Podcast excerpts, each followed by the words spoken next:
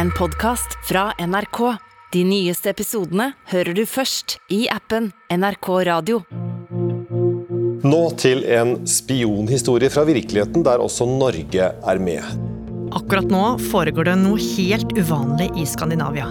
Denne saken her sag er meget alvorlig, og øh, det er fullstendig uakseptabelt for den danske regering, at øh, der finner den her øh, stedfortræderkrig øh, sted på dansk jord. Og midt oppi denne spionkrigen står en nordmann, en dansk familiefar og to brutale regimer. Hva i all verden er det som egentlig foregår? Du hører på Oppdatert. Jeg heter Gry Veiby. Det som skjer nå, er jo egentlig ganske vilt, og det er på en måte få som egentlig har skjønt dybden i det her. Det foregår altså en spionkrig mellom to av verdens verste regimer, Saudi-Arabia og Iran, på skandinavisk jord. Tormod Strand er journalist her i NRK Nyheter. Og det siste året Tormod, så har du fordypa deg i denne spionkrigen sammen med kollegaer fra Danmark, Sverige og Nederland. Og det at vi i det hele tatt veit om at det her skjer, det handler om noe som skjedde i 2017. Da ble en iraner drept på åpen gate i Nederland, i byen Haag. Det kom en mann som skjøt han i bakhodet, og da han falt på bakken og lå på ryggen, så kom gjerningsmannen bort og skjøt han to ganger til i brystet. Tre skudd. Han døde på stedet. Og da politiet begynte å se nærmere på hvem den drepte var, skjønte de at drapet var alt annet enn tilfeldig. For det viste seg at nederlenderen hadde vært med på å starte en organisasjon som var kritisk til et spesielt land Iran. Og nå frykta politiet at drapet var et hevnoppdrag fra iranske myndigheter. Da de skjønte det, så gikk alarmen internasjonalt. For nå var det åpenbart at også de andre grunnleggerne av denne organisasjonen var i fare. Og en av dem bodde i Danmark og het Habib Jabor Kabi. Han var en familiefar som hadde fått opphold i Danmark som politisk flyktning. Han hadde i likhet med nederlenderen vært med på å grunnlegge en gruppe som heter ASMLA. Da dansk politi oppdaga at denne familiefaren var såpass tett knytta til den drepte nederlenderen, så ble de jo bekymra. For det kunne bety at også han sto i fare for å bli drept av iranske myndigheter. Og det skulle vise seg at dansk politi hadde grunn til å være urolig.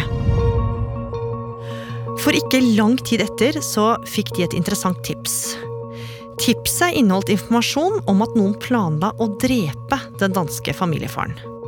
Men ikke bare det, de fikk også vite at en som bodde i Norge, skulle være involvert i drapsplanene. Ja, det var også en iraner. Han hadde persisk bakgrunn, var norsk statsborger og het Mohammed Luluei. Han kom til Norge fra Iran i 2008 som politisk flyktning fra regimet der. Altså Han flyktet fra Iran og fikk beskyttelse her i Norge. Så denne Mohammed Luluei han hadde bodd i Norge i mange år. Og nå mistenkte altså politiet at han var iransk agent, og at han planla å drepe den danske familiefaren. Så da politiet en høstdag i 2018 fikk vite at han var på vei til Danmark, så frykta de det verste. Og de bestemte seg for å følge etter ham. Politiet så jo at han kjørte mot Ringsted på Sjælland, der familiefaren bodde. De så at han overvåka bostedet der familiefaren med sine barn og kone bodde. Og i to dager så sirkla jo Mohammed Lulai rundt boligen til denne danske-iranske familiefaren. Både i bil og til fots.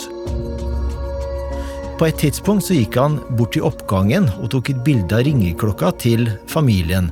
Eh, Og samtidig så står jo dansk sikkerhetspoliti på den andre siden av gaten og tar bilde av han.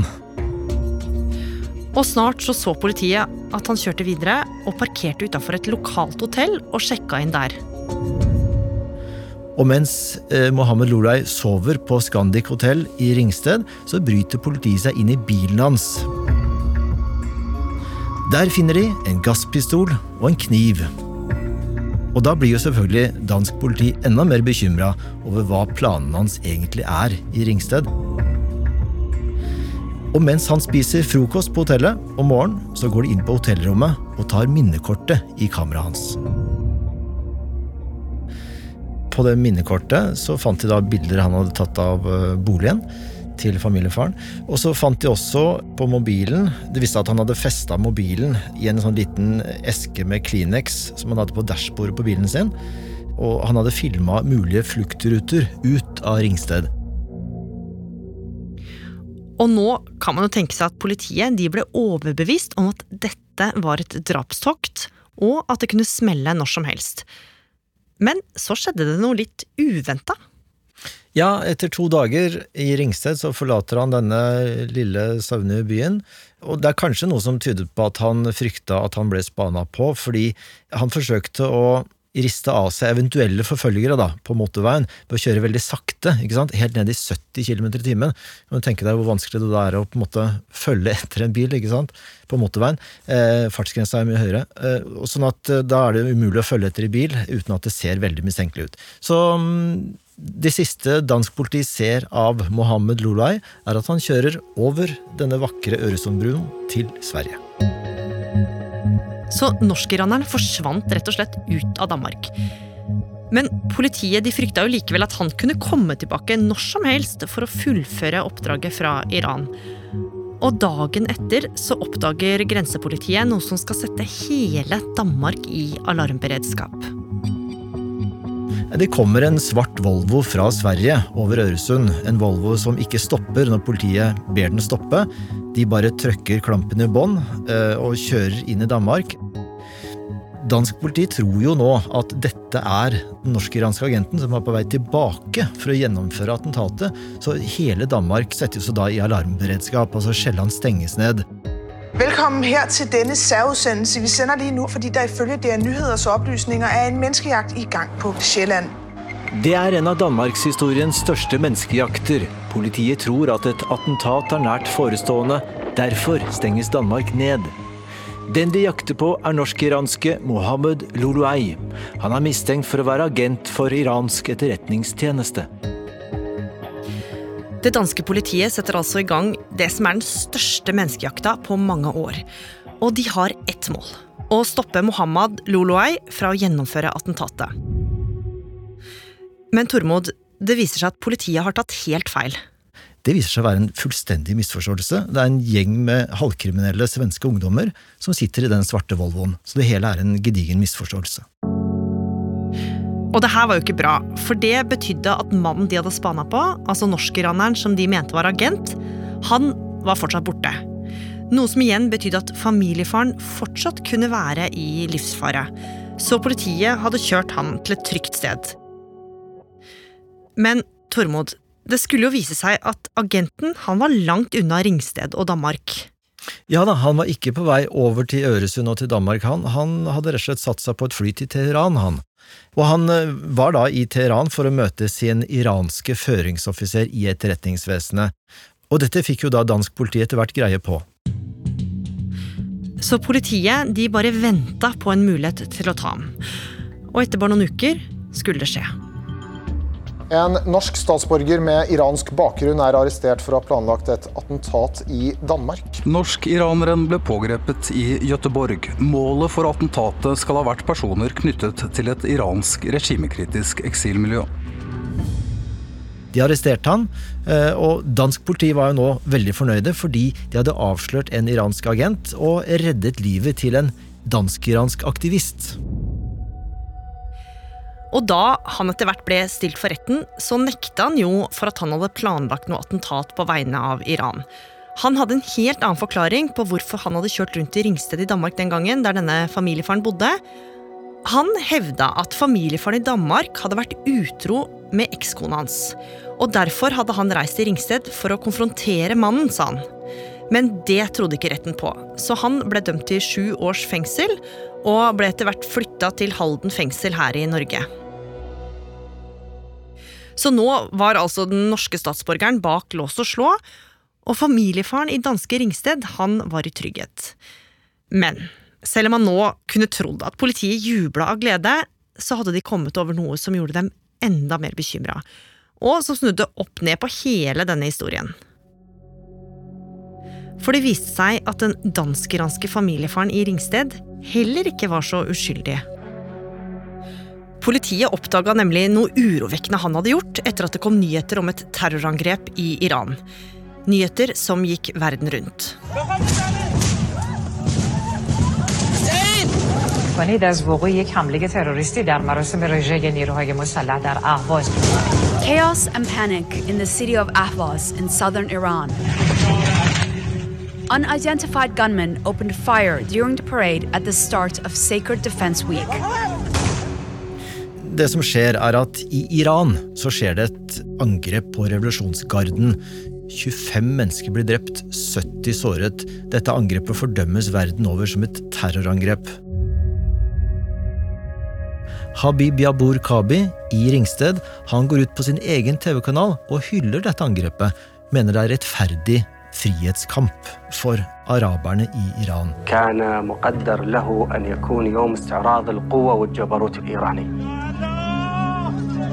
Habibs svigersønn og Shimas mand Jakob sier til en TV-stasjon i London at det blodige angrep på soldatene er legitimt. Det gjør at dansk politi begynner å interessere seg for denne familiefaren. For det er ulovlig å hylle terror, ikke sant? Så det dansk politi da gjør, i all hemmelighet, de går inn på kontoret hans i hemmelighet. Eh, De beslaglegger det som er på PC-en hans, og der finner de veldig spennende ting. Hva var det de fant? Det de fant på en sånn USB-nøkkel, der fant de 1200 meldinger. Og innholdet i disse meldingene viste at øh, denne gruppen i Ringsted, med familiefaren i spissen, de hadde i mange år samarbeidet tett med saudiarabisk etterretning. Så det viser rett og slett at de var spioner for Saudi-Arabia. Det mente dansk politi har grunnlag for å si. Ok, så mannen dansk politi hadde jobba hardt for å beskytte, jobba altså for Saudi-Arabia? Og det i seg selv var jo sjokkerende. Men politiet de fant enda flere overraskende ting. Ja, politiet fant også en liste med navn til folk som hadde flykta fra Iran, og på denne listen så er det altså seks norske navn som saudiarabisk etterretning ville ha familiefaren til å spionere på og gi informasjon om til saudiarabisk etterretning. Og Det var også bevis her, mener dansk politi, som tydet på at eh, denne familiefaren hadde bidratt med massevis av informasjon som kan ha satt andres liv i fare. Hmm. I tillegg, så, kanskje det mest alvorlige, så hadde gruppen da deltatt i planleggingen av terrorangrep inne i Iran ved å gi penger til grupper som hadde utført terror i Iran. Dette var det politiet mente de kunne lese ut av meldingene på denne minnepinnen. Ok, men Tormod, hvordan henger dette her egentlig sammen? Fordi familiefaren Habib, han var jo iraner som bodde i Danmark. Hvorfor i all verden jobba han for Saudi-Arabia? Ja, det er jo egentlig ganske enkelt å forklare, fordi eh, Habib Yabur Kabi og hans gruppe ASMLA, de er jo arabere. De er ikke persere som resten av Iran eh, er. Eh, og nå hadde de altså fått støtte fra den største arabiske staten i Midtøsten, Saudi-Arabia, eh, som også jo har vært Irans erkefiende i årevis. Og Yabur Kabi og ASMLA de kjemper jo for en egen arabisk stat i det sørlige Iran. De mener de er eh, undertrykt eh, av det persiske flertallet. Så alt det her gjorde at politiet nå mente at de hadde nok bevis til at de kunne danne seg et bilde av hva som faktisk har foregått på skandinavisk jord. Ja, de så jo på en måte nå omrisset av en slags spionkrig mellom Saudi-Arabia og Iran, som på en måte var kommet helt hoppsi, håper jeg, på vår dørstokk. Og nå bestemte politiet seg for å tiltale familiefaren. Og i fjor begynte rettssaken, men alt foregikk bak lukkede dører fordi danske myndigheter frykta at det som ble sagt der, kunne skade forholdet til andre stater, altså i praksis Iran og Saudi-Arabia. Og nå i februar så kom dommen. Tre eksil-iranere er skyldige i at have spioneret for Saudi-Arabien her i Danmark. Retten har kendt de tre mænd skyldige i de fleste forhold, de var tiltalt for. Men der var altså også enkelte forhold, de blev frifundet for. De tre er blandt andet blevet dømt for at have modtaget 30 millioner kroner fra Saudi-Arabien til at begå terror i Iran. Selv om både familiefaren og medhjelperne ble dømt for å ha spionert på Saudi-Arabia og finansiert terror i Iran, så nekta de for at det stemte. Og familiefaren Kabi mente at alt det politiet hadde funnet på USB-nøkkelen, var skrevet av noen andre. Men de blei altså allikevel dømt.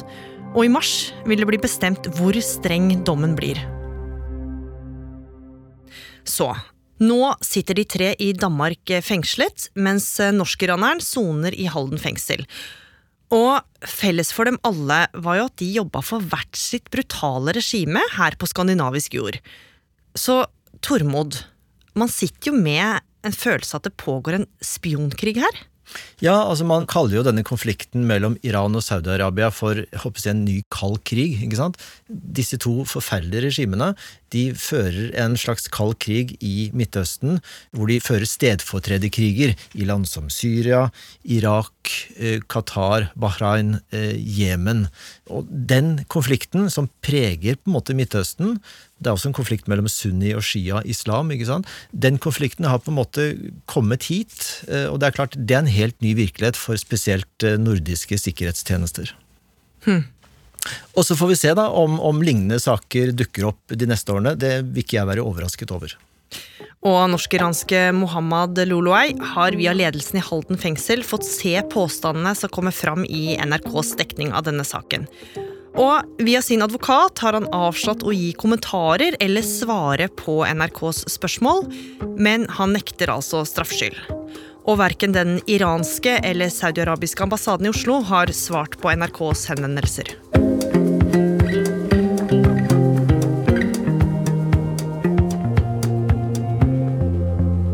Oppdatert er en podkast fra NRK Nyheter, og likte du det du hørte, så må du gjerne tipse en venn om oss. Har du innspill eller tips, send oss gjerne en e-post på oppdatert krøllalfa nrk.no. Denne episoden var laga av Vegard Kjørom, Ina Swann, Irina Kjelle, Karl August Kampevold, Andreas Berge og meg, Gry Veiby. Programredaktør er Knut Magnus Berge.